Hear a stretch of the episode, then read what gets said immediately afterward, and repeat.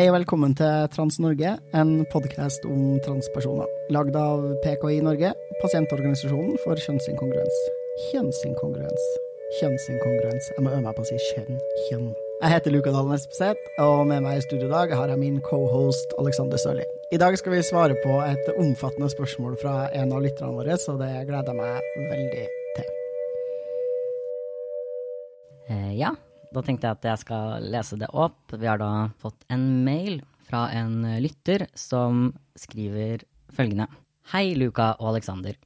Veldig fin podkast. Har hørt alle episodene i løpet av tre dager.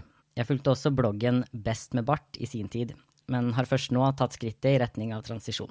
Jeg lurte på om dere hadde lyst til å ta opp temaet gåsetegn toxic masculinity i podkasten, både i og utenfor transmiljøet. Dere har tatt opp temaet med at cis-kvinner krever definisjonsmakt, medienes merkelige fokus på ekstremfeministers holdning til transkvinner. Men jeg lurer litt på cis-menns definisjonsmakt og utøvelse, mannlige privilegier og transmenns posisjon her. Har transmenn male privilege? Hvordan er det å gå fra å bli lest som jente slash kvinne slash maskulin kvinne slash lesbisk, til å bli lest som mann? Merker dere noen forskjell i hverdagen i hvordan dere blir møtt? Jeg har ennå ikke starta på testo, og blir som regel lest som kvinne slash maskulin kvinne. Denne kategorien opplever jeg som ganske underdog, som verken er særlig anerkjent i hetero- eller homomiljøet. Så det kjennes rart å skulle gå fra en underdog-posisjon over i en hvit heteromann-kategori. Har dere noen tanker eller opplevelser i forhold til dette? Som en person som ikke blir lest som mann, opplever jeg i stor grad gatekeeping, latterliggjøring, mansplaining, utestenging og sexisme fra sismen.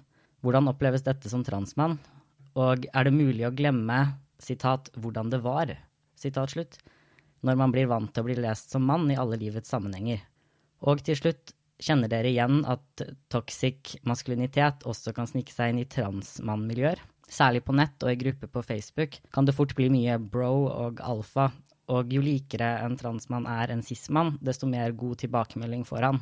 Noe av det er nok oppbacking og klapp på skuldra, men også noe som bikker over og som snuser på toxic maskulinitet. Hva tenker dere her? Takker igjen for en fin podkast. Det er kjempespennende.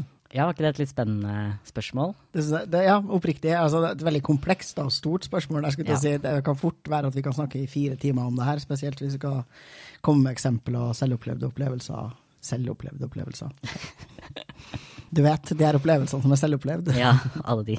Ok, altså jeg føler jo at spørsmålet i seg selv har ganske fin oppbygging, så vi kan jo ta det litt sånn skritt for skritt. Ja, det kan vi gjøre. Det første spørsmålet er jo for så vidt veldig stort.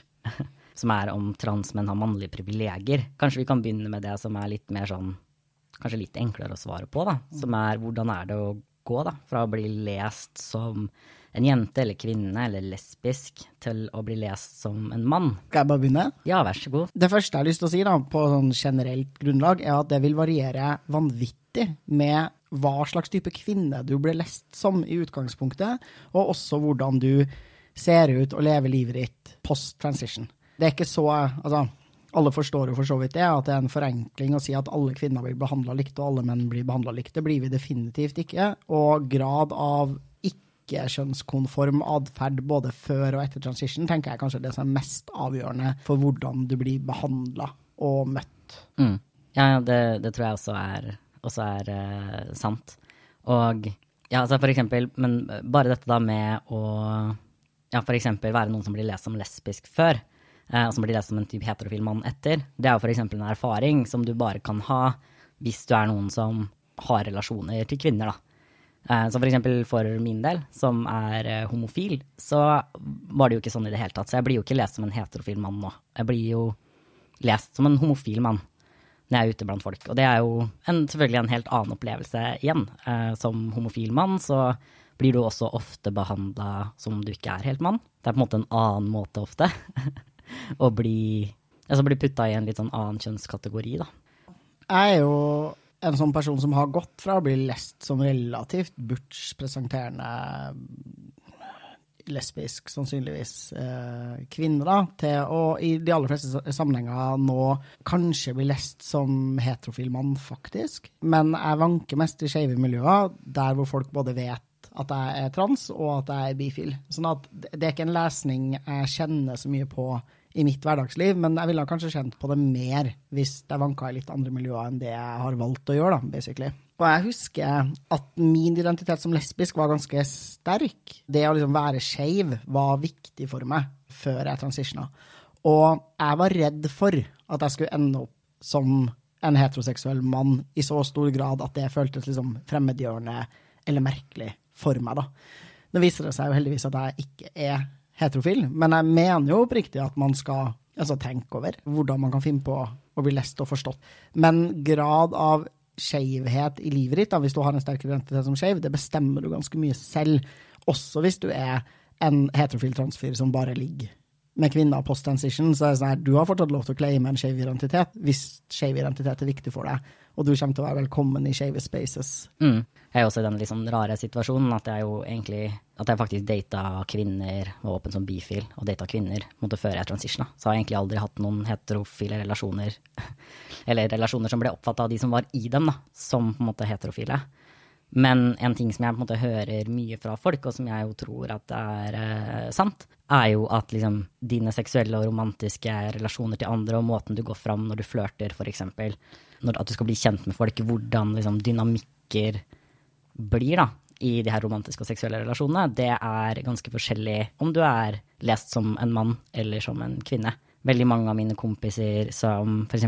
dater kvinner, sier jo at f.eks. før at de kunne være mye mer aggressive i seksualitet, kunne liksom spøke mye mer, være liksom litt seksuelt upassende, at det var en ting man kunne gjøre fordi begge ble lest som kvinner. Men idet du blir liksom lest som en mann, så er det en form for liksom aggressiv seksualitet da, som blir oppfattet av andre veldig, veldig, veldig annerledes. Det er jo blant annet en sånn ting som jeg i hvert fall har fått formidla til meg, da. At mange som er liksom heterofile transmenn, eller som primært ikke kvinner, opplever som en stor endring. Ja, jeg kjenner meg kjempeigjen i det. Jeg hadde masse atferd tidligere i livet da jeg ble lest som dame, som jeg har måttet plukke av meg, nettopp fordi den ble oppfatta som så vanvittig toxic i det øyeblikket jeg ble lest som mann. da. Og det er jo litt sånn gøy når vi snakker om toxic masculinity. Hvor mye eller lite er det her mennesker som oppleves som toxic fordi de blir lest som menn, versus å ha blitt lest som kvinner før, og versus hvor mye er det noen som faktisk har endra atferd eller blitt mer toxic av og identifiserer seg som mann og ikke. Har ikke mm. noen sånn fasit på det, liksom, men jeg tenker at det har definitivt noe å si. Det som har vært mest påtagelig for meg i forskjellen på å bli lest som kvinne og mann, er Altså, det er mange ting som har vært store forandringer for meg, for så vidt, men den her seksuelle interaksjonen med andre er det som jeg merker best at det å flørte med menn blir forstått veldig annerledes nå som jeg leser som mann, versus før. Eh, også vennskapelig interaksjon med menn blir veldig fort liksom lest som homo. Mm. Og spesielt interaksjon med kvinner. Og det du liksom snakker om med de kompisene du har hørt, jeg kjenner meg veldig igjen i det. Jeg har, måttet, har plukka av meg mye atferd overfor kvinner som ikke er grei da, for menn. Som man også kan diskutere om hvorvidt er grei for kvinner, men som i hvert fall forstås veldig annerledes, både av dem som inngår i relasjonen og samfunnet som helhet. Da.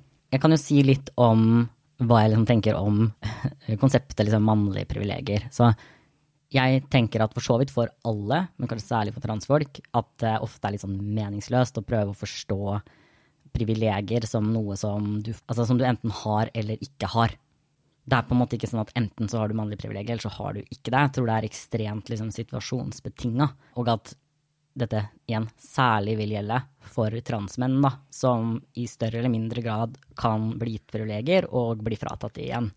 Eller eventuelt bare aldri få tilgang til de, da. Så ja, jeg er Jeg tror ikke det er et liksom, ja-nei-spørsmål. Har transmenn det, eller har de ikke det? Transmenn har mannlige privilegier i noen situasjoner, og ofte ikke i andre. Og noen vil måte få tilgang til flere av de enn andre. Ofte basert på hvordan de ser ut, men også basert på en hel rekke andre ting ved dem da, som mennesker. Igjen, homofile menn har ikke tilgang på samme liksom, ja, ofte legitimitet i uh, mannlige miljøer, f.eks., eller liksom, trygghet fra vold, eller trygghet fra til og med seksuell vold fra heterofile menn. Altså, det er ofte ikke noe som er tildelt veldig ikke-kjønnskonforme menn, f.eks. Og jeg tror det er viktig å forstå privilegier på den måten generelt. At det er ikke noe du har eller ikke har. Det er noe som er veldig situasjonsbetinga, som varierer over tid og sted. Og også når man diskuterer transitioner, hvorvidt folk transitioner tidlig eller seint i livet. Jeg tenker også det kan være verdt å snakke om at folk er veldig forskjellige. Sånn at hvilke goder du eventuelt liksom får da, av å transitione, sånn utover det at du måte, får det bedre fordi du endelig kan leve som den du, du opplever at du er. da. Ja, hvilke goder du får, da, vil variere basert på liksom hvilke ting som er viktig for deg ellers, og hvilke ting som plager deg ellers. For eksempel for min del, da, så har jeg egentlig aldri vært så veldig plaga av type liksom, seksuell oppmerksomhet, seksuell trakassering, de her tingene. Det har egentlig bare vært noe som, som jeg alltid har blitt utsatt for, både før og etter transition, men som det kanskje bare preller litt av, liksom. Jeg anerkjenner og ser at for noen så oppleves det veldig krenkende og kan være skremmende og alt disse tingene, men det har jeg aldri opplevd det som sjæl, egentlig. For meg, da, så var det å dermed liksom bytte ut det og kanskje innimellom på kvelden hvis jeg var aleine osv. bli utsatt for seksuell trakassering da, fra fremmede menn, som jeg jo opplevde mer før. Og så bytte ut det med det som jeg liksom opplever nå, da, som er en form for homofobi, som ofte er liksom ekstremt mye mer voldelig i sin tone. Hvor jeg liksom opplever trusselen om fysisk vold som veldig mye mer tilstedeværende, fordi veldig mange menn har litt sperrer på å utøve særlig grov vold mot kvinner, basert på en sånn tanke om at man ikke skal slå kvinner, som på en måte beskytta meg litt før, da, og som plutselig liksom ikke er der lenger. Så, så, for min del så var det en veldig dårlig trade-off, på en måte. Fordi den seksuelle trakasseringen jeg opplevde i utgangspunktet ikke hadde plagd meg så mye, mens den her mer eksplisitte eller implisitte trusselen om fysisk vold, da, i den formen for homofobi som jeg opplevde der, altså det, det syns jeg er veldig kjipt, da, og ganske skremmende. Og vanskeligere å håndtere. Men hvis du er på motsatt side, at du faktisk opplever seksuell trakassering f.eks. Som, som en veldig, veldig stor belastning, så vil jo du også oppleve den trade-offen som kanskje er verdt det, eller liksom positiv. Ja, for jeg opplever det som at den trade-offen for meg har vært nydelig. Altså, jeg har gått fra å være veldig redd for, og føle meg veldig sårbar og utsatt for uh, seksualisert oppmerksomhet, eller uønska seksuell oppmerksomhet fra menn, og også ofte følt at den har vært iblanda en form for homofobi da, mot meg før jeg, før jeg, kom ut, hvor jeg opplevde det som en reell voldstrussel, og som en reell trussel om seksualisert vold, som skremte meg veldig. Mens når jeg nå leser som mann i de aller fleste settinger, så, så er det sånn, ja, jeg kan oppleve situasjoner hvor jeg tenker at folk vet at jeg er trans, eller vet at jeg er skeiv, og være redd for vold fra menn, men på en annen måte på en mye mindre skremmende måte, på en måte som gjør meg mye mindre utrygg. Å gå hjem fra byen alene nå, eventuelt også til og med med, med menn da, som jeg har tenkt å ligge med eller som jeg dater, er for meg en helt annen verden. Selvfølgelig, her kommer vi til en annen ting som er verdt å nevne. Alder har noe å si her, og det er vanskelig å skulle prate om når man skal snakke om liksom, hvilke privilegier jeg har nå versus da jeg var 16 år og ble lest som kvinne. Mm. Fordi det er liksom Jeg var 16. Nå er jeg 34. Ting er generelt litt forskjellig i livet ditt, da. Ja, det er definitivt tilfellet for meg òg. Jeg kan si at eh, jeg har eh, aldri, faktisk, i det hele tatt levd, levd, som kvinne som voksen. Jeg har levd som mann hele mitt voksne liv, så det er klart at det vil jo også være noe som påvirker hvordan det oppleves. Men det er jo et interessant eksempel, da, for jeg har hatt helt motsatt erfaring. Tenker, men det er et godt eksempel, da, for det viser at liksom, folk vil ha veldig, veldig forskjellige erfaringer. Men en liksom space jeg har opplevd som veldig ubehagelig, og det er også verdt å si at det å være en transmann er jo litt forskjellige ting også. Du vil gå gjennom veldig forskjellige liksom, faser, sånn avhengig av ja, selvfølgelig hvor mye transitioning du gjør. Nå snakker jo du og jeg veldig sånn om to ting da, som er sånn her totally før transition, inkludert social transition. Og så snakker vi om post-transition, som er liksom helt post-transition, hvor vi blir lest som sistemenn, egentlig. da. Men det er klart, mange har jo en space imellom der, som veldig ofte er en, et ekstremt sårbart sted å være. Sånn at uh, jeg vil nok eh, si til de fleste at du bør nok ikke forvente at det er sånn at hvis du kommer ut og liksom sosialt transitioner, at du liksom da får tilgang til en hel masse mannlige privilegier. Du vil mest sannsynlig gå igjennom en ganske lang periode hvor du blir lest som kanskje Hvor folk leser deg veldig tydelig som trans, da, man kan si det sånn. Uh, og det blir lest som veldig tydelig og synlig trans. Det er klart, det er veldig Det er vel kanskje det mest ubehagelige stedet jeg har vært sånn kjønnsmessig. Det var noe som virkelig liksom fikk meg til å tenke at, at jeg måtte forte meg veldig med liksom den medisinske transition. Og det var helt riktig for meg uansett. Jeg har ikke noen sånn negative følelser i forhold til at jeg skulle ta, ta kjapp tid. da. Men jeg fikk en veldig følelse av urgency, husker jeg, når jeg først hadde sosialt transitiona, men ikke hadde liksom medisinsk transitiona. Da var jeg litt sånn her Det her, dette er ikke en space jeg kan klare å liksom helt eksistere i, da, hvor jeg blir lest som liksom ekstremt androgyn hele tiden på en måte at folk ikke liksom klarer å plassere meg, men jeg prøver å leve som en mann. Og folk liksom opplever meg som noen som prøver å inneha et sånt rom som tilhører menn, da. Som jeg ikke skal få lov til å være i, liksom. Det er et veldig sosialt komplekst, vanskelig sted å være, da. Og hvis det, samfunnet har lyst til at transfolk skal gjennomgå minst mulig medisinsk behandling, og at det skal være mulig å faktisk være ikke-binær i denne verden, så må vi skjerpe oss på måten vi behandler og forstår mennesker som leser som trans, eller som leser som veldig kjønnsoverskridende. På sånn generell note til verden. Ja, men også tenker jeg det å kunne være binær uten å ta masse behandling, er jo også et poeng her. fordi for min del så er det jo like mye feilkjønning å bli lest som ikke-binær som å bli lest som dame. Ja, det å bli liksom oppfatta der var ikke noe liksom mer behagelig sted. Ei heller når folk var liksom aksepterende angående da. Men det var i hvert fall da det skal sies. Det her er en stund siden. Det er ikke nå, liksom. Det kan hende det er annerledes nå. Det tror jeg det til en viss grad er. Jeg tror det er litt mer rom for å eksistere i verden som en transmann i dag. For det var ikke egentlig noe space som het transmann før. egentlig. Altså, det er litt vanskelig å forklare hva jeg mener med det, men uh, jeg tror de fleste som har opplevd det, vil skjønne hva jeg mener allikevel. Det var på en måte ikke noen representasjon av transmenn, og det gjorde at du kunne være liksom en cis-mann eller en butch dame eller noen som folk ikke skjønte hva var. Fordi det var ikke liksom koherent for folk at transmenn liksom eksisterte. Folk vet at transmenn eksisterer i dag, og kan dermed finne på å anta, tro eller ha liksom en idé om at noen kan finne på å være en transmann. Det fantes faktisk ikke før. Mens transkvinner har hatt muligheten til å bli lest og forstått som transkvinner, eh, på godt og vondt. Mm. Eh, ja, altså, fordi det andre her er jo at det her er noen som sier at de som regel blir lest som en kvinne eller en maskulin kvinne, og at de opplever denne kategorien da, som en sånn underdog-kategori. Og at det føles veldig rart å skulle gå liksom fra en sånn her posisjon til en sånn hvit heteroman-posisjon. Og det har vi jo snakka litt om allerede. Igjen, jeg må jo bare si at liksom, det er virkelig ikke en, det er ikke en erfaring jeg har eller liksom kan, kan ha hatt. Så. Men jeg, jeg ser, jeg ser bekymringa og liksom frykten for det, eller bare tankene rundt det. Da tenker jeg man skal ta på alvor og reflektere litt rundt. da. Bare være sånn, ok, Hvordan kommer det til å være? Ja. Du kan krysse fingrene for at du blir bifil, da. Nei da. en, en, ting som har skjedd i en del diskusjoner jeg har hatt med folk, eller samtaler som jeg har hatt med heterofile transmenn, er jo denne samtalen om lesbiske rom og tilgang til kvinnerom og liksom tilhørighet og identitet. Og det er klart at det er en ting som jeg vil liksom anbefale absolutt alle å tenke på og føle liksom ordentlig intenst på. Det er realiteten at liksom, transisjonerer du, så vil det være ganske masse av denne typen rom da, som ikke er tilgjengelig for deg lenger. da. Ja, lesbiske rom vil være noe som du enten ikke har tilgang til i det hele tatt, eller hvor det finnes en del liksom, litt sånn queer, queerere rom, hvor du kanskje har litt tilgang, men du bør nok forvente at du vil være litt av en outsider der, og ikke på en måte det intenderte target så mye, da. Og hvis det er liksom noe som du kjenner inni deg at liksom vil oppleves som en veldig stor sorg, å miste et sånt kvinnelig skeivt miljø, og miste en sånn kvinnelig identitet. Det gjelder også for så vidt med sånn budsjett og bare det å være lesbisk i seg selv, eh, eller det å ha en sånn dynamikk på en måte med kvinner hvor dere liksom helt fra starten da har en sånn ja, skeiv relasjon. da. Hvis alt det liksom er kjempeviktig for deg, da, og det kjennes ut som en veldig stor sorg å miste det, så vil jeg på en måte anbefale å tenke litt på hva er det du tenker du skal få ut av transition. Fordi det er en veldig reell ting, da. Seksualiteten vår og relasjonene våre til andre mennesker er en veldig stor del av den vi er. Og hvis du kjenner en veldig sterk tilhørighet til kvinnerom og til liksom lesbisk identitet og tilhørighet, så kan det være en grunn til det, da.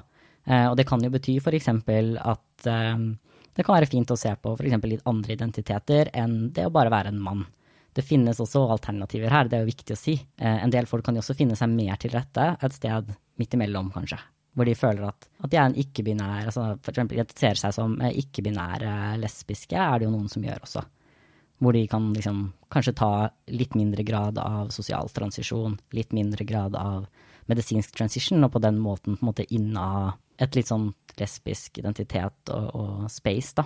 men samtidig liksom ha en kropp eller en måte å være på i verden som kanskje oppleves mer riktig for den man er. Når det er sagt, det, er sånn, det betyr selvfølgelig ikke at det er sånn her at hvis du liksom kjenner på de følelsene og lurer på om det er noe som vil være vanskelig for deg, og så kommer fram til at ja, det vil være en sorg, men det er definitivt verdt det, liksom. Så selvfølgelig, liksom, go for it. Det er helt ok og helt innafor å på en måte føle en sorg for eventuelt de positive tingene man kan miste i en, i en transisjon også.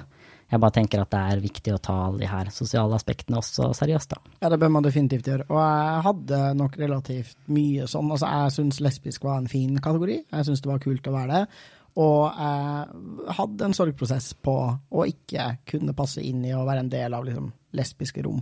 Nå, derimot, ti år post transition, så virker det helt merkelig for meg. Altså, jeg kan ikke forestille meg å skulle kalle meg lesbisk eller føle at liksom, lesbiske rom er noe jeg burde tatt en del av, selv om jeg fortsatt kan føle meg vel i spaces med mye skeive kvinner, og også tenke at jeg har en måte å sosialisere på og omgås på, og også en mulighet til å være åpen om at jeg er trans, da, som noen ganger kan bli feilskjønnende fra deres side, men andre ganger også bare være en sånn anerkjennelse av en levd erfaring jeg faktisk har, da, eh, som kan gjøres på en måte som ikke er transfob og feilskjønnende. Det jeg liksom sitter igjen med som kanskje det største avbrødet for meg med å være mann, da, eh, og bli lest som det av andre, er at jeg fortsatt har en veldig sterk seksuell tiltrekning til kvinner som ser veldig skeive ut. Og det er kanskje det jeg syns er aller vanskeligst. Jeg syns butche damer er dødshot. Mm. Uh, og så finnes det selvfølgelig masse bifile, skeive kvinner der i verden som er interessert i menn generelt. Men um, det har vært litt en greie for meg. Men det, altså, det går bra. Mm. Får fortsatt pult. ja, men basically, da. Det er, sånn, det er, greit å kjenne på en sorg om det, selv om du velger å gjøre det. Det er også liksom greit å kjenne på at jeg tror ikke det er verdt det for meg. Altså, det er en, en avveining man må gjøre. Jeg er vel sånn generelt litt sånn opptatt av altså Særlig når det gjelder transition, kanskje. da. For jeg er litt sånn opptatt av at alle kan jo ha den interne, private kjønnsidentiteten de har. Altså, det er jo ingenting i veien for å eksistere i liksom, lesbiske rom og bli lest av andre som lesbisk og liksom kjenne eh, inni seg at liksom, ja, jeg føler meg mest som, som, en mann, liksom, men jeg vil leve sånn her. Spørsmålet er vel mer sånn når du tar deg da, for å gjøre en medisinsk transition og en sosial transition liksom mer på fulltid, så bør kanskje tanken være litt mindre sånn hvilket kjønn er jeg egentlig? Sånn, hva, hva er jeg egentlig? Hva, hva er min liksom, ekte kjønnsessens? Og litt mer sånn hva slags type kropp er det jeg trenger å ha for å leve et liv som for meg er et godt liv, da. Et liv som er verdt å leve. Og hvordan trenger jeg å liksom bli oppfatta av andre når det gjelder måte, kjønn, for at jeg skal klare å ha det bra med meg sjæl. Jeg tenker det er det viktigste spørsmålet, egentlig. Og da kan du liksom helt fint f.eks. være også ikke-binær og lande på f.eks. at du vil leve fulltid som en mann. Sånn, det er ikke så farlig hva identiteten din er. Det viktigste når du gjør de her avgjørelsene, er mer sånn hva er konsekvensene av det, og er det konsekvenser som jeg ønsker meg da, og er komfortabel med. Det kan også hende at din forståelse av det her vil utvikle seg over tid, både med sosial og medisinsk transition. og jeg tenker at det å gjøre små ting, da, medisinsk transition-messig, for uh, transmenn og transmaskuline folk, ødelegger definitivt ikke umiddelbart for din mulighet til å delta i kvinnerom og lesbiske rom, da. For det er jo unektelig sånn at skeiv kvinnekultur har takhøyde for veldig butch-presenterende kvinner, og til dels ikke-binære folk, da. Det er også mulig for deg å ikke være helt sikker på de her tingene, tenke litt over dem, og så være sånn ok, kanskje jeg skal starte på noe lavdosetest òg. Det er lov å ha en slow start, liksom. Det er vanskelig å få til når man drar på Riksen og den type ting, for de krever en veldig sånn eh, binær forståelse av det. Men jeg kjenner jo flere som har liksom gått på veldig små doser med testosteron, eh, funnet ut at det ikke var for dem, og som lever veldig komfortabelt som skeive kvinner i dag, og så blir lest av alle som skeive cis-damer, liksom. Det er ikke sånn at liksom testo dagen du tar det, så har du endra deg for alltid. Hvis Turfsa ikke hadde vært så jævlige mennesker, mm. så det vært en veldig fin refleksjon. Liksom, sånn ja, for dem, ja. Ja, ja, men de er jo ikke mottakelige. Men det kan kanskje være det for noen lytterne. Jeg opplever dessverre at det er litt sånn skummelt å snakke om de her tingene. Fordi jeg opplever i så stor grad da, at enhver form for refleksjon fra transmenn og transmaskuline folk da, rundt liksom opplevelser med sexisme eller homofobi pre-transition og på en måte ja, motivasjoner og behov og sånn knytta til liksom det å ha en mer maskulin presenterende kropp osv. er noe som bare blir brukt så sjukt aktivt da, for å male et sånt bilde av oss som egentlig bare selvhatende små pikebarn som på en måte rett og slett bare er dummere, da, enn resten av den kvinnelige populasjonen, på en måte, i Norge, og bare ikke har skjønt at kjønnsroller er teite, og at det er helt greit faktisk å være en butch-dame. Og det syns jeg er veldig synd, da, fordi det her er jo faktisk diskusjoner som det er ganske vanlig å ha internt i transmaskuline miljøer. Og så er det sånn at vi dessverre veldig, veldig sjelden måtte høre dem andre steder, eller hører det snakkes så veldig høyt om. Og det er jo fordi hver gang vi snakker høyt om det, så blir det brukt veldig, veldig aktivt. Eh, og da spiller det ofte ikke noen rolle heller at man gjør ja, sånn som vi gjør nå, da, og reflekterer over de positive og negative sidene. Fordi hvis du sier på den ene siden jeg, ble opp, jeg har opplevd veldig mye seksualisert vold eller seksuell trakassering som har liksom gått på det at man er, har vært veldig butch, blitt lest som veldig butch, og at det kan være et, et skremmende sted å være, så vil måte, det bli brukt som en sånn ja, og det var derfor. Det var for å liksom unnslippe det her. Og på motsatt side at det ofte ignoreres når vi da igjen snakker om f.eks. den ofte tilstedeværende voldstrusselen fra menn som man kan oppleve når man blir lest som en cis-mann, f.eks. Det er ikke noe rom for oss da, til å snakke om de positive og negative sidene og liksom nyansene rundt kvinnelig identitet, opplevelser med sexisme, eller for de som har hatt en mer typ lesbisk identitet tidligere, da, hvor mye det kan eventuelt liksom forme noen.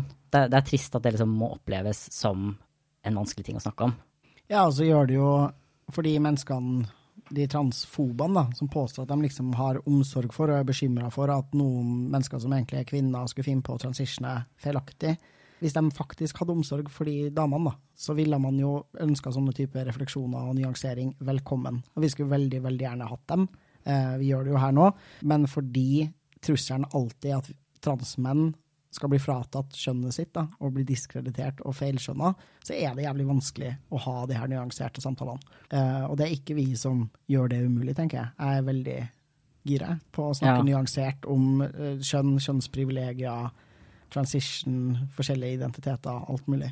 Definitivt. Og Jeg tenker at transfolk har ganske mye nyttig å si da, om det å eksistere i verden på ulike måter blir kjønna på veldig forskjellige måter. Men det er ofte ikke en opplevelse som vi i noen stor grad liksom kan dele. Fordi ja, så å si alt vil jo bli brukt mot oss for å prøve å diskreditere ja, det kjønn, altså kjønnet vårt og liksom valgene vi har tatt liksom rundt det. Da. Jeg tenker det her er særlig med identitet sånn er jo kanskje særlig viktig for de som kommer ut i litt sånn eldre alder. Jeg merker jo sjøl at det jo ikke er noe jeg i like stor grad uh, har kunnet relatere meg til, og det er noe jeg har måttet liksom lære meg mest ved å snakke om folk, for å prøve å forstå det. Fordi for min egen del så skjønte jeg det ganske tidlig at jeg var liksom en fyr. Og jeg kjente det veldig, i en veldig ung uh, alder. Og jeg hadde aldri noen Altså, jeg prøvde primært å date damer fordi jeg tenkte det var noe menn gjorde, på en måte. Så jeg hadde aldri en sånn interesse i det den, den veien. Og det gjorde også at når jeg liksom kom inn i transmiljøer, som jeg også gjorde ganske ung fordi jeg kom ut ung, så hadde jeg veldig lite forståelse for da, transmenn som fortalte om nettopp det her, at det, eh, de opplevde det som en stor sorg å gå fra de her lesbiske miljøene. fordi for meg så var det bare en sånn ting som jeg, folk kasta på meg som ikke reflekterte den jeg var. Jeg var nok litt kjip, tror jeg, også med folk på det. Jeg var litt sånn her, ja, men enten så er du en mann, eller så er du ikke en mann, liksom. Det er sånn, Hvorfor vil en mann kalle seg lesbisk? Altså sånn, For meg var det liksom uforståelig, liksom. Og så har det på en måte tatt meg noen år på måte snakke med folk og forstå at liksom, at noen ganger så kan den der typen community bare en sånn felles uh, opplevelse i hvordan man har blitt diskriminert og den typen ting, da, være noe som kan bli viktig for folk, og at det er sant jo lengre man har vært i det og stått i det og vært i de miljøene, liksom. Mm. Det må vi ha respekt for. Vi skal ha det. Vi skal ha så sjukt respekt for folk, liksom. Ja, og vi skal ha respekt for at ikke alle alltid har skjønt det veldig lenge, da. Så det er kanskje min sånn her til folk som ikke vær som meg, liksom. Å være en sånn tenåring som er sånn her men jeg har alltid følt at jeg er en fyr, og for meg så føles alle de her begrepene alltid 100% feil. Så da er du ikke på en måte en ekte mann, hvis eh, du har mer av en sorgprosess liksom, rundt å miste visse begreper eller kvinnelige begreper eller rom, liksom. Sånn er det ikke.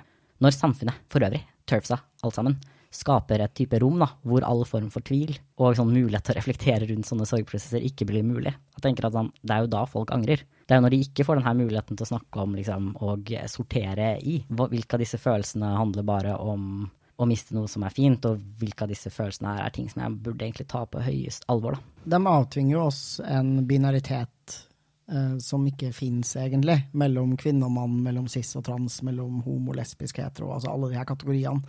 Og det er direkte råttent gjort da, mot mennesker. For vi vet, altså identitet, ja, vi bruker kategorier for å klassifisere dem. Vi bruker enkle ord for å beskrive veldig komplekse følelser, erfaringer og liv. Og de er ikke nødt til å være logisk coherent hele tida. Du får lov til å være en lesbisk mann, liksom.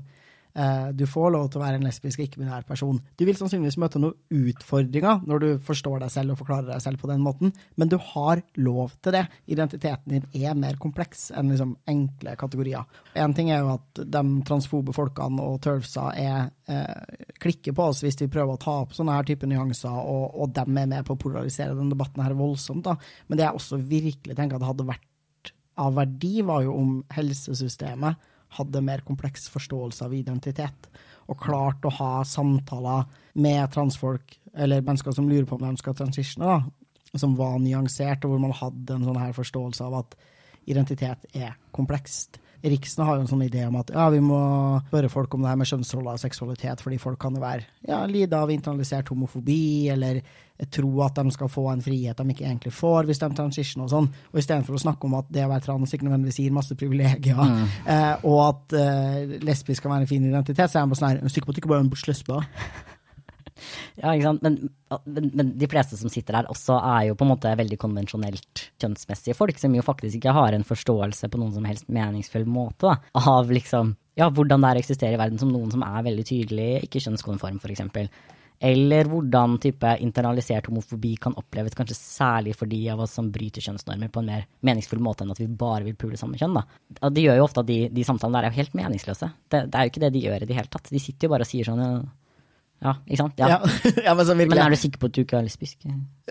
ja, veldig artig, og spesielt Jeg husker det, altså for det er helt meningsløst, men for meg er kanskje mer meningsfylt alternativ jeg jo hadde levd som lesbisk, åpent lesbisk i liksom ja, 10-11-12 år før jeg transitiona. Men jeg husker også at sånn der, det sitter altså da overfor meg så sitter altså da en ganske feminin presenterende heteroseksuell sistdame og er sånn herre jeg har også følt på at jeg hadde mest lyst til å leke med guttene, og at jeg var litt sånn tomboy og skal liksom Men det er ikke det typisk, da, hvor folk er sånn de, ja, jeg tror en del folk tenker på liksom, den måten som en del transmenn er ikke-kjønnskonforme, og så tror de at, at, det vi snakker om, er sånn her Jeg spilte fotball da jeg var liten, liksom. Ja. Og så er det sånn her Vi snakker om en helt annen ting, eh, og en helt annen måte å være på, da, enn at du bare liksom ikke følger alle kjønnsstereotypier som finnes, for det, det, er det ingen som gjør. Og også bare den generelle trenden hvor det har Litt fordi maskulinitet har en høy status i samfunnet, men jævlig mye cis-kvinner er vanvittig opptatt av å fortelle om hvor jævlig tomboys de var når de var små, og ikke se liksom det inherently misogynistiske i det, da, innimellom, som jeg syns det tipper mm. over i. å bare være sånn Jeg var ikke som de andre jentene, jeg var veldig sånn butch og Eller de sier jo ikke butch engang, for de er så jævlig hetero, liksom. Det er, det er en del sånne her stereotype ideer om ikke-konforme kvinner, da, og hvordan det skal gi høy status, som er én irrelevant og bare så ikke-relaterbart da, for transfolk. Virkelig. Ja. Eh, den, den, neste tingen måte handler jo egentlig om at denne personen ikke sant, opplever mye gatekeeping, latterliggjøring, mansplaining, utestenging og sexisme fra cis-menn. Og spør om hvordan det her oppleves som transmann, og liksom om det er mulig å glemme hvordan det var når man blir vant til å bli lest som mann i alle livets sammenhenger. For det første så tenker jeg at det høres ut som det her, Tom lytteren vår, da, hei, kjære lytter, lever et liv som er litt kjipt, eller lever i miljøer som er veldig kjip på veldig mange måter. Du omgås helt tydelig menn som er ganske døll, og jeg vil jo oppfordre deg på generelt grunnlag til å oppsøke kulere miljøer hvis du har muligheten til det. Hvis det her ikke er situasjoner du er tvunget inn i pga. jobb osv. Uh, jeg tenker kanskje det samme. Jeg har altså For meg så er det vanskelig å snakke om det, fordi jeg har ikke egentlig den overall måte, opplevelsen av menn. Altså, jeg har alltid hatt menn i livet mitt, som, altså cis-menn i livet mitt, som jeg har hatt veldig veldig nære, gode, meningsfulle relasjoner til. Både pre-transition og post-transition. Eh, jeg er rett og slett veldig glad i menn. Jeg er glad i dem på den måten at jeg liksom forelsker meg i menn, har liksom alle mine eh, seksuelle og romantiske relasjoner er, er menn, cis-menn, stort sett.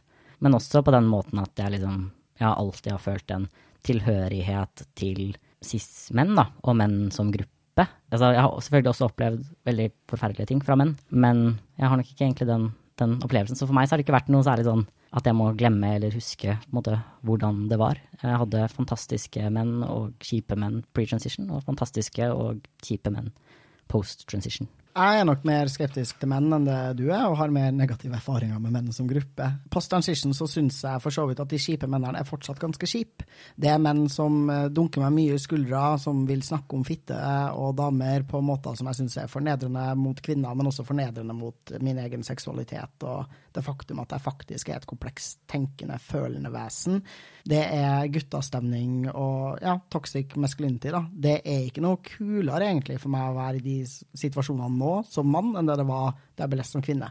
Det var mer eh, seksuelt trakasserende, kjipt og umyndiggjørende lest som kvinne, men det er heller ikke noen kule settinger og rom å være i nå. Så det for meg å være i sånne plasser hvor det er stort sett heteroseksuelle sismen, er fortsatt noe jeg syns er slitsomt. Jeg liker ikke de, sånne type rom noe særlig godt. Jeg har også snakka med en del, liksom, deltransmenn som blir ganske dysforisk da, nettopp av å henge i sånne type spaces, fordi man føler seg så annerledes enn de mennene som er der, fordi de er mann på en måte som de ikke er. da. Og så knytter man det tett opp mot å være trans, og det tror jeg ikke nødvendigvis at det henger sammen med. Eh, noen menn er toxic, liksom, og er kjipe, kjipe menn, og andre menn er ikke det.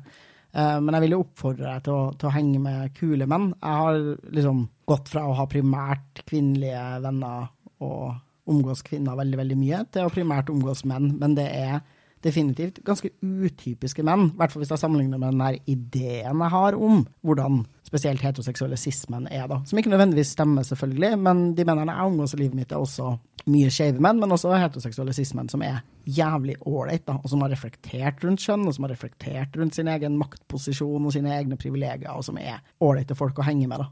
Det skal sies at liksom, de fleste mennene som jeg øh, henger med nå, de er homofile menn, eller øh, bifile. Sånn at jeg henger i veldig skeive mannlige miljøer. Og det er klart at det vil være annerledes enn hvis du henger i en del måte, heteromiljøer. Personlig så har jeg nok ikke sånn så veldig mye bedre erfaringer med heterofile kvinner enn jeg har med heterofile menn. Jeg syns stort sett at veldig heterofile miljøer generelt er ganske slitsomme å være i. Jeg føler meg veldig forskjellig og annerledes, og det handler nok vel så mye om at jeg er en homofil mann som transmann, men det er klart at liksom begge de to tingene vil, vil spille inn, da. Men akkurat den her opplevelsen av liksom at der er menn, og menn er en sånn gruppe av folk som på en måte ut utøver veldig kjipe ting mot meg, og det er på en måte den primære relasjonen jeg har til menn. Sånn bare har ikke jeg det, da. Så jeg klarer ikke helt, tror jeg, å reflektere over hvordan, hvordan det er.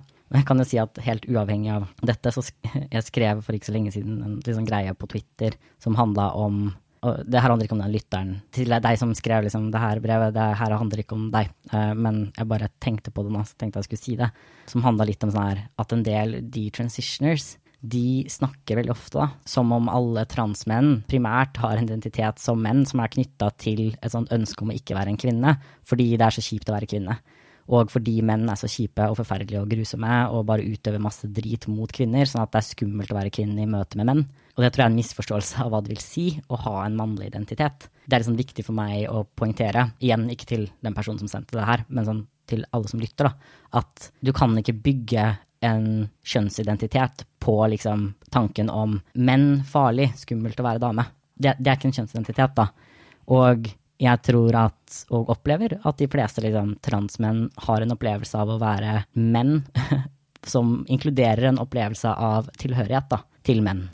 Og ja, det å være mann, altså det er en komfortabilitet med da, å eksistere som mann og ha en viss nærhet til menn, og en forståelse av menn selvfølgelig som folk som kan være bra da, og gode. Og jeg tror at hvis man på generell basis går inn i en transition med tanken om at menn er iboende forferdelige, grusomme folk som utsetter kvinner for masse ille, selv om det eventuelt er en transfyr, så tenker jeg at det er en veldig, veldig dårlig utgangspunkt å gå inn i en transition på, fordi du skal faktisk eksistere som mann. Du skal leve som mann og bli glad i deg selv som mann, da. Og da bør du ha en forståelse av menn som individer som er like kjærlige, gode, flotte, fine folk, da. Ja, hvis du som alle skal... andre. Ellers så kommer du til å hate deg sjæl, tror jeg. Du er også nødt til å deale med det faktum at andre folk vil lese deg som mann. Mm. Og det vil medføre ubehag for deg hvis din tanke om menn er så iboende negativ. da. Og når folk da snakker stygt om menn som gruppe òg, så er du nødt til å forholde deg voldsomt til det faktum at du er en mann. Og det er du. Uh, med mindre du selvfølgelig tenker at du er noe annet, da. Men det bør du, ja, det bør du ha tenkt over. En ting som jeg syns er artig da, med å bli lest som mann og, og være i sånne, la oss si, litt sånn litt toxic heteroseksuelle cis-menn-spaces, er jo at uh, jeg syns det er gøy å arrestere heterosismen når de er sexister. Og bare si sånn Det der ville du ikke sagt hvis jeg var en dame. Det ville du ikke sagt hvis det var en kvinne til stede. Hva mener du med det der? Nå høres det ut som du tenker at kvinner er dårlige eller vesensforskjellige fra menn på, på en eller annen måte som jeg ikke er enig i. Det er jo et uh, privilegium som jeg syns det er veldig artig å gå inn i, men det krever både at du passerer, uh, altså virkelig, og at du er ganske trygg da, i egen maskulinitet. Og maskulinitet er jo unektelig et litt skjørt sted for en del, uh, inkludert sismen, helt tydelig. Det er jo en mm. grunn til at toxic masculinity finnes i det hele tatt, eller at fragile masculinity er et begrep. Det er jo nettopp at menn har en, på gruppenivå, da, tendens til å frata hverandre privilegier, eller hakke på feminine menn, homofile menn, transmenn, altså menn som ikke utøver maskuliniteten sin på riktig måte. Så du skal jo være ganske grounda, da, både i din egen selvforståelse, men også i hvordan andre folk leser deg, før du har det privilegiet at du kan arrestere andre menn. Men det er et privilegium jeg har, at jeg kan, og jeg syns det er veldig gøy. jeg merker at jeg, jeg, henger så lite med heterofile menn at jeg liksom bare Jeg blir sånn Ja, hva er det egentlig Hva, hva gjør de egentlig? I don't, I don't du sitter i ring og er veldig heteroseksuell. Ja. ja. ja. men også fordi jeg jobber som sykepleier, så blir det en litt sånn her Jeg jobber jo også i arbeidsplasser hvor det liksom Det er ikke masse heteromenn, liksom. Nei, herregud, jeg, henger også veldig lite med heteromenn, men jeg har en del, jeg har en fire-fem jævlig gode kompiser som er heterofile cis-menn, men som sagt, da, alle dem er uttalt feministiske menn som har reflektert over egne mannlige privilegier og sin posisjon i verden. Men innimellom så havner jeg liksom på en fest, da, hvor jeg bare står plutselig en gjeng med heterofile cis-menn som er toxic, da. Som bare er sånn herre Ja, fy faen, gutta, fikk så jævlig banga fitte forrige helg. Og jeg er sånn Kis, liksom. Kan du Mener du forrige helg, da du ble skikkelig glad fordi hun søte jenta som du hadde sett på hele kvelden, faktisk ville være med deg hjem, og så tok du av deg på overkroppen, og så var det litt sånn Og jeg lurer på om hun syns at jeg er fin nok nå, fordi jeg eh, har jo lagt meg litt under korona, og egentlig så skal jeg jo ikke bry meg om det, men jeg bryr meg litt likevel, og så var hun veldig pen, og så smilte hun til meg, og så var jeg sånn Å, jeg håper jeg får ereksjon, og jeg har veldig lyst til at denne kvinnen skal like meg veldig godt, og jeg lurer på hva hun syns det er digg å gjøre, og kanskje jeg skal lage frokost til henne i morgen tidlig. Denne helga, mener du? Sånn. ja. ja. for det var sånn en sånn underdrivelse av egen sårbarhet da, i møte med andre mennesker som jeg syns er tidvis bare helt latterlig. Hvis sånn, Skjerp deg, liksom. Det er ingenting macho Du må late som du er så forbanna tøff at du ikke er et menneske engang. Jeg er enig i det, for så vidt. Den er litt sånn patetisk med det, på en måte. Ja, det er så voldsomt krampaktig. Ja. Ok, Så det siste er om eh, denne formen for liksom giftig maskulinitet, da, også kan snike seg inn i liksom transmannmiljøer.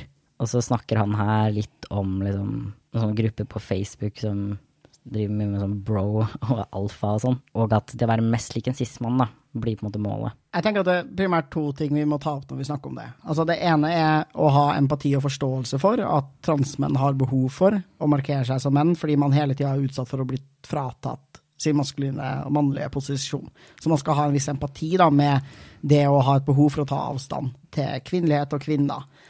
Men det er ikke greit når det får seg utslag i å være et misogynistisk rasshøl. Og det er definitivt sant at også transmenn lager maskulinitetshierarkier som blir toxic og kan bli toxic. Og jeg har også sett masse eksempler av det på ja, blant annet Facebook-grupper. Jeg minner om at jeg, jeg, er ikke så veldig mye på liksom, Facebook-grupper. Jeg har i hvert fall aldri sett en sånn bro-alfa-type ting, men jeg har definitivt liksom, opplevd dog mye mer før enn nå. Altså, det har blitt så ekstremt mye bedre. Jeg kan bare si det at liksom, nå er jo disse miljøene veldig veldig skeive, men jeg først liksom kom inn i ja, Det er nesten sånn man ikke kan kalle det et transmannmiljø engang. Altså, det var når transmenn hang sammen. I visse fora. Da de fire transmennene hang sammen i et fora. ok, det var litt flere enn fire, da, men altså, det var altså, det er litt sånn ja, et, et, det, var, det var mer kanskje et løst nettverk enn det som er sånn I dag vil jeg si at det er et sånn meningsfullt miljø, da. Det finnes et sånn stort miljø, eller flere miljøer, Altså, da var det definitivt en form for liksom ja, Jeg vet ikke om jeg liker liksom, sånn toxic masculinity som begrep, for jeg syns det brukes på som veldig mye rart, egentlig. Og også at menn får liksom veldig mye ufortjent pes ofte for liksom ting som jeg tenker at det er helt legit, da. Om ikke legit, så er det i hvert fall ikke noe verre når menn gjør det enn når kvinner gjør det, eksempel. Man kan si da, ja, sånn ja, kjip maskulinitet og en del liksom sexisme og eh, homofobi. Ja, definitivt er en ting som, som eksisterer, og som finnes uh, i en del av de her uh, miljøene. Jeg snakka litt om å være liksom en homofil transmann. Det tenker jeg er helt uproblematisk i de fleste transmaskuline miljøer i dag. Det var ikke uproblematisk i transmaskuline miljøer når jeg kom inn i de. Det var veldig tydelig da at en stor del av transmaskulin identitet, transmann-identitet spesifikt, var knytta rundt det og eh, like kvinner og pule kvinner og skulle være en mann i relasjon til kvinner. da. Og det var særlig cis-kvinner, så du så liksom det som en sånn ja, form for liksom interessant transfobi også på sett og vis, da, som hvor ja, målet er å bli mest lik en cis-mann, og det inkluderer et mål om at man skal finne seg en heterofil cis-kvinne. Og jeg opplevde det som et veldig ideal. Det var på en måte sånn du var mann mest. Og så var liksom homofile transmenn, feminine transmenn, var sånn her akseptert. Altså det var ikke en sånn utagerende homofobi, men det var definitivt en sånn opplevelse av å ikke være like mye mann, og at vi jo alle hadde en forståelse av den beste og kuleste måten å være mann på post transition. Ja, definitivt. Jeg henger litt mer på Facebook og Facebook-gruppa enn det du gjør, tydeligvis, og det er fortsatt uh, steder hvor jeg ser det her. Her om dagen så var det liksom en gruppe jeg var med i, hvor noen hadde lagd en sånn utbrytergruppe som var sånn herre Jeg tror de liksom bokstavelig talt liksom skrev 'for ekte menn'. Vi som ikke orker sånn snowflake-whining. Folk som liker menn, sminke, neglelakk og whatnot, liksom. Sånn her, vi som vil gå hele veien og få stor kuk. Altså, det var helt sånn Helt crazy, da, hvor mye menn de her mennene skulle være, og hvor mye hat de klarte å sende i retning av transfolk generelt, og feminine menn da, av alle slag. Det er skikkelig vondt å se på, uh, og deler av det er forståelig og forklarlig fordi det her er mennesker som blir utsatt for vanvittig mye transfobi, men selvfølgelig, som mann i verden, så har du også et ansvar som mann i verden. Og selvfølgelig, jeg tenker at noen av de her tingene kanskje bare handler om at man ikke har liksom tenkt så mye over ting, at man ikke helt vet hvordan man skal liksom uttrykke det. Vi har snakka litt om det her med seksualitet før. For eksempel tenker jeg jo det er helt legitimt å være sånn her, jeg er ikke så veldig interessert i penis seksuelt, liksom. Men det er jo påfallende hvor eh, mange, i hvert fall før, da, som virket uinteressert i transkvinner. Ikke fordi de hadde en kropp eller noe som eh, Altså noe veldig sånn konkret eller objektivt som de egentlig ikke likte. Men egentlig basert på en sånn tanke om at, liksom, at, at, det nesten var liksom en sånn goal, da, liksom, å skaffe seg en cis-dame, på en måte. Ja, en hetero-cis-dame spesifikt. At liksom, at det var nesten som en sånn pris, liksom. Som du fikk et sånt bevis da, på maskuliniteten din. En måte å få bekrefta at du var en mann på, da, som du bare ikke kan få gjennom liksom ja, en transkvinne eller en skeiv kvinne, da. Ja, det er, det er, både homofobisk og transfobisk, da, når du liksom i utgangspunktet tenk, tenker det mener jeg, da. Uh, og igjen, jeg tenker som sagt at det her også har blitt liksom sjukt mye bedre, men før, i hvert fall, så var det liksom tidvis såpass liksom intenst press på å være liksom stereotypisk maskulin at jeg liksom jeg opplevde at det i det hele tatt å skulle være en person selv, når jeg liksom var en homofil mann veldig åpent i de her miljøene, og være noen som på noen måte likte å bli penetrert, f.eks. Og det trengte ikke engang å være i fitta, liksom. Men bare sånn, det å bli penetrert, da, var tabu, liksom. Det var ikke noe man liksom snakka noe særlig om i det hele tatt. Det var liksom bare antatt at det gjorde man ikke. Og ofte en form for liksom, ja, måte å prate om eventuelt folk som gjorde det på, da, som folk som liksom, altså pulte som damer, eller liksom åpenbart tok en sånn her kvinnelig rolle som jeg syns var ganske heslig. Det er kjempeheslig, men også uh, apropos liksom, underbygd av måten vi blir behandla på samfunnet, også måten vi blir behandla på helsevesenet. Altså, jeg husker da jeg var på Riksen, Ira Haraldsen spurte meg liksom har du sex som en mann. Mm. Bare, vi, vi, blir spurt om de tingene vi, vi blir avkrevd og forventa, og skulle oppføre oss på en utrolig kjønnskonform måte. Og vi står alltid i fare for å bli fratatt kjønnet vårt uh, og bli og bli feilskjønna. Og da har man liksom OK, hvordan kan jeg bevise at det her er sant? Hvordan kan jeg liksom gjøre det her ekte? Altså, jeg syns generelt at alle menn har et ansvar for å ta oppgjør med dårlig og negativ, skadelig mannskultur. Og så syns jeg at man har et særlig ansvar som transmann Litt fordi man burde vite bedre, gitt den erfaringa man har, gitt den forståelse man burde ha av kjønn, men også fordi man henger i et miljø da, hvor det er, faktisk er flere menn som er feminin, eh, som ikke blir lest som menn, som ikke passerer, og som sliter da, mer med å ha en kropp og en atferd og et utseende som ikke liksom lever opp til de her idealene. Og det burde vi klare å være romslige for i eget miljø. da. Ja, ja. Altså, jeg er helt enig jeg henger på en måte ikke så mye i de miljøene her nå heller, så det er jo på en måte litt sånn overfladisk, den liksom forståelsen jeg har av de nå også, da. Jeg kan nevne en sånn siste ting som var liksom kanskje litt uforståelig for folk nå, men når vi liksom begynte å ha liksom samtalen om Eller ikke begynte å ha samtalen, men når det begynte å ta seg opp litt, da, den her samtalen rundt liksom kastrering som et krav, så var det liksom en ikke ubetydelig andel av liksom transmenn i liksom det transmaskuline miljøet, eller transmannlige miljøet, da.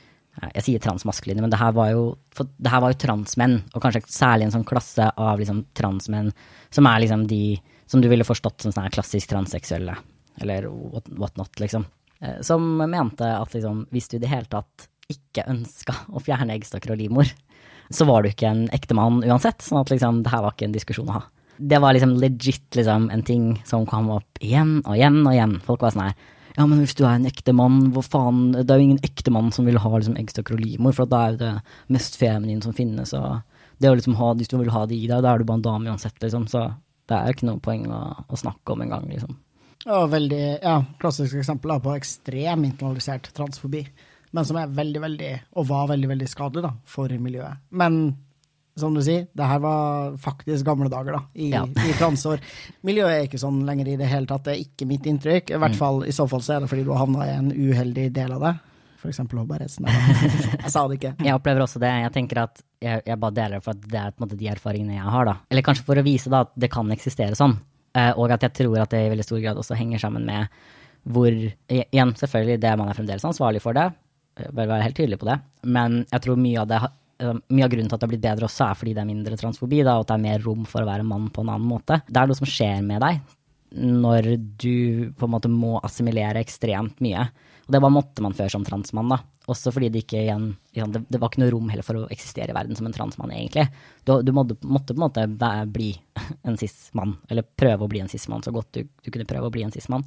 Og jeg tror at den her bare ekstreme kravet om assimilering fra, fra oss, da, eller nei, ikke fra oss, fra samfunnet til oss, var så mye at du At, at folk, folk eksternaliserte det også, da. Altså, de påkrevde det på seg sjæl. Sånn her må jeg være for å eksistere og overleve i verden, liksom. Og så begynner de å prakke det på alle andre. Fordi det er liksom de beskjedene de får. Og også fra helsevesenet. Jeg fikk jo også alle de her beskjedene fra, fra Riksen. Og Riksen holder jo for så vidt på nesten sånn fremdeles. Men liksom, det er jo ikke så rart. Hvis det første møtet du får, da, er at du går til legen, så kommer du til Riksen, så sier Riksen til deg at, liksom, at hvis du har lyst på eggstokkrolimor, da, er du ikke en, da er du bare en dame, da. Og det er liksom de første møtene du har med folk, er liksom folk som igjen og igjen og igjen, og igjen forteller deg da, at liksom sånn må du være mann for å bli akseptert i det hele tatt. Klart du får liksom et, eh, et kjipt miljø. Så tror jeg det har blitt mye bedre også av at folk som er litt mindre dysforiske, folk som er uh, mer ikke-binære folk, også har kommet inn i liksom transmann. Det som før var transmannmiljø, har blitt mer av et transmaskulint miljø, da, om man kan si det sånn. Det tror jeg også er veldig sunt, fordi man skal heller ikke se bort fra det at liksom før så så du nok mer liksom sånn, av den giftige maskuliniteten også fordi de folka som klarte å forstå at de var trans og komme ut, i veldig stor grad var veldig binære folk med en veldig stor grad av uh, dysfori ofte over egen kropp, da. Fordi ellers så bare skjønte du ikke at du var, var, trans, liksom. Og at den seleksjonen der nok også gjorde at du liksom ville tendensere mer mot folk, da, som i utgangspunktet har behov for kropper som ligner mer på cis-menn og sånn også. Sånn at liksom, det var nok mer grobunn for den formen for veldig sånn giftig maskulinitet før. Så jeg er for så vidt veldig positiv til en litt mer sånn blanding av mer ikke-binære folk og mer binære transmenn som kanskje beveger seg litt mer på det kjønnsspekteret, da enn det som er før. Jeg tror det har vært kjempesunt for miljøet. ja, definitivt. Jeg er så enig. Vi har blitt et mye, mye bedre miljø. Jeg håper virkelig at folk tar på alvor da, og reflekterer litt over ja, internalisert transfobi og transfobi generelt. Da, hvordan det rammer deg, og hvordan du kan finne på å polise deg selv og polise andre. Og prøve å liksom reflektere litt over det. Polise meg selv nå. Oppfører meg annerledes enn det jeg egentlig har lyst til? Tar jeg behandling jeg egentlig ikke har lyst på? Snakker jeg nedlatende om andre transfolk? Snakker jeg nedlatende til andre transfolk? Er jeg en del av problemet, liksom, eller er jeg en del av løsninga? Og du må velge for ditt eget liv, men det er sjukt lurt å prøve å reflektere over det som best du kan, og gjerne ha samtaler med transfolk, liksom. Vi har jo unektelig en måte å snakke om kjønn på som henger på et litt høyere nivå da, enn det mange, i hvert fall heterofile, kjønnskonforme cis-folk klarer. Og ikke minst den offentlige debatten og helsetjenestene, som jo virkelig ikke klarer å nyansere de her tingene for oss i det hele tatt. Og så sånn avslutningsvis kan du også si at liksom, det har jo også definitivt liksom, vært sånn nå, sånn er det helt sikkert fremdeles i dag, at liksom, transmaskuline folk kan være ganske kjipe med transdamer. Og jeg tenker at det er også en form for liksom, blanding av transfobi og sexisme som eksisterer internt i transmiljøer, og alltid har gjort det. Selvfølgelig masse andre ting også, som rasisme og alle disse her tingene, men det er også ting som selvfølgelig bare eksisterer liksom overalt. Og sånn at liksom transmiljøene er ikke noe unntak til det. De har ofte liksom vært ganske hvite, de har vært ganske heterofile, det er ikke tilfellet nå eh, lenger. Eh, og liksom vært tidvis ganske uh, misogynistiske, sexistiske, både mot liksom, damer som gruppe, cis-damer som gruppe, men kanskje mot, uh, sånn, mot transkvinner uh, særlig, ofte vært liksom et sånt, ja, sånt utseendekrav og en del, del, sånne ting har jeg i hvert fall opplevd, da, som jeg tenker har vært å liksom påpeke som, uh, som en egen ting. Jeg tror miljøene er litt mer miksa i dag også på det. Før så var det vel kanskje enda mer Det kom litt an på. Det var miljøer som var mer blanda før også, det var det. Men i dag så opplever jeg jo at det virker som det er mye mer vennskap på tvers av ens tildelte kjønn, da, i transmiljøer enn det var, kanskje. Det er veldig hyggelig. Det er ekstremt hyggelig. Det har, blitt, det har jo blitt mye triveligere. Det har jo det. Det er så mye hyggeligere å være trans. Altså, det har blitt hyggeligere i verden generelt. Ikke hyggelig nok. Bare skjerp dere, liksom, cis-folk der ute. Ikke bra ennå. Men det har blitt vanvittig mye hyggeligere å være trans i transmiljøet. Det har det. Og bare være sånn Ja, at det er litt flere av oss, litt mer mangfold. Altså, som en avslutning, da. Husk at uh, til dere som lytter, da, så du har, og jo eldre du blir, sånt er dette her, muligheten til å liksom velge hvem du er rundt. Du kan velge hva slags menn du vil ha rundt deg, og du kan velge i stor grad hva slags type mann du har lyst til å være.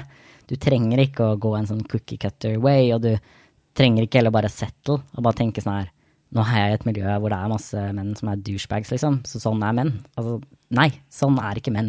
Det er ekstremt masse bra folk der, og vi kan jo noen ganger tulle om at cis-folk er liksom håpløse og sånn, men begge vi to har jo ekstremt masse nære, kjempeflotte relasjoner til både cis-menn og cis-kvinner, og det er, er, på en måte realiteten, da. Det er utrolig masse bra liksom, cis-folk der ute. Det er masse bra cis-menn der ute, og du har muligheten, og burde, sortere folka rundt deg litt, da.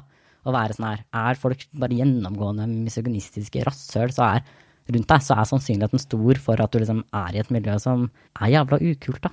Og at det fins jævla mye kulere miljøer der ute. Definitivt. Inkludert mannsmiljøer. Ja, jeg er helt enig. Så i den grad du har mulighet, liksom, i hvert fall på fritida di, velg deg folk å være rundt som er fin og bra. Og du kan også leve skeivt. altså selv om du er en heterofil transfyr, du kan velge å si til deg sjæl sånn Jeg vil Altså, jeg har At du vil ha en identitet som trans, da. At du vil la det ta stor plass i livet ditt. Du vil være i transmiljøer. Vil liksom henge primært rundt skeive folk i skeive miljøer. Det er noe du kan gjøre, selv om du liksom er en heterofil eh, mann, da. Du er velkommen på pride, liksom. Hvis du er trans, så har du liksom en plass i den skeive paraplyen. Du trenger ikke å gi opp den skeive identiteten din og bare assimilere inn i liksom de verste delene av hetero-cis-kultur, liksom. Takk for en deilig toxic prat, skulle du si. Håper ikke denne praten her var så toxic, da. Nei, jeg tror praten var veldig fin. Det var en veldig fin prat om toxic masculinity og vurderinger rundt hvordan det er å være og leve som mann i verden, tenker jeg.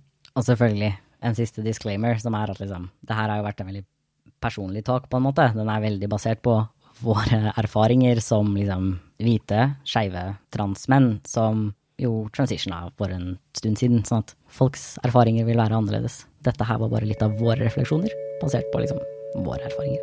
Jeg heter Luka Dalen Espeseth. Takk til Martin Skjold for den forbausende Trans-Norge-musikken.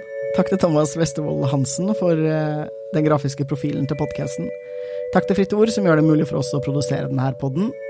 Følg Trans-Norge der du lytter til podkaster, for å få med deg alle episodene av podden. Spre veldig gjerne ord om podkasten hvis du syns den er kul, og rate oss gjerne i podkast-appen din. Følg PKI på Facebook og Instagram, der heter vi pki.norge. Meld deg inn i PKI på nettsidene våre tjonsinkongruens.no.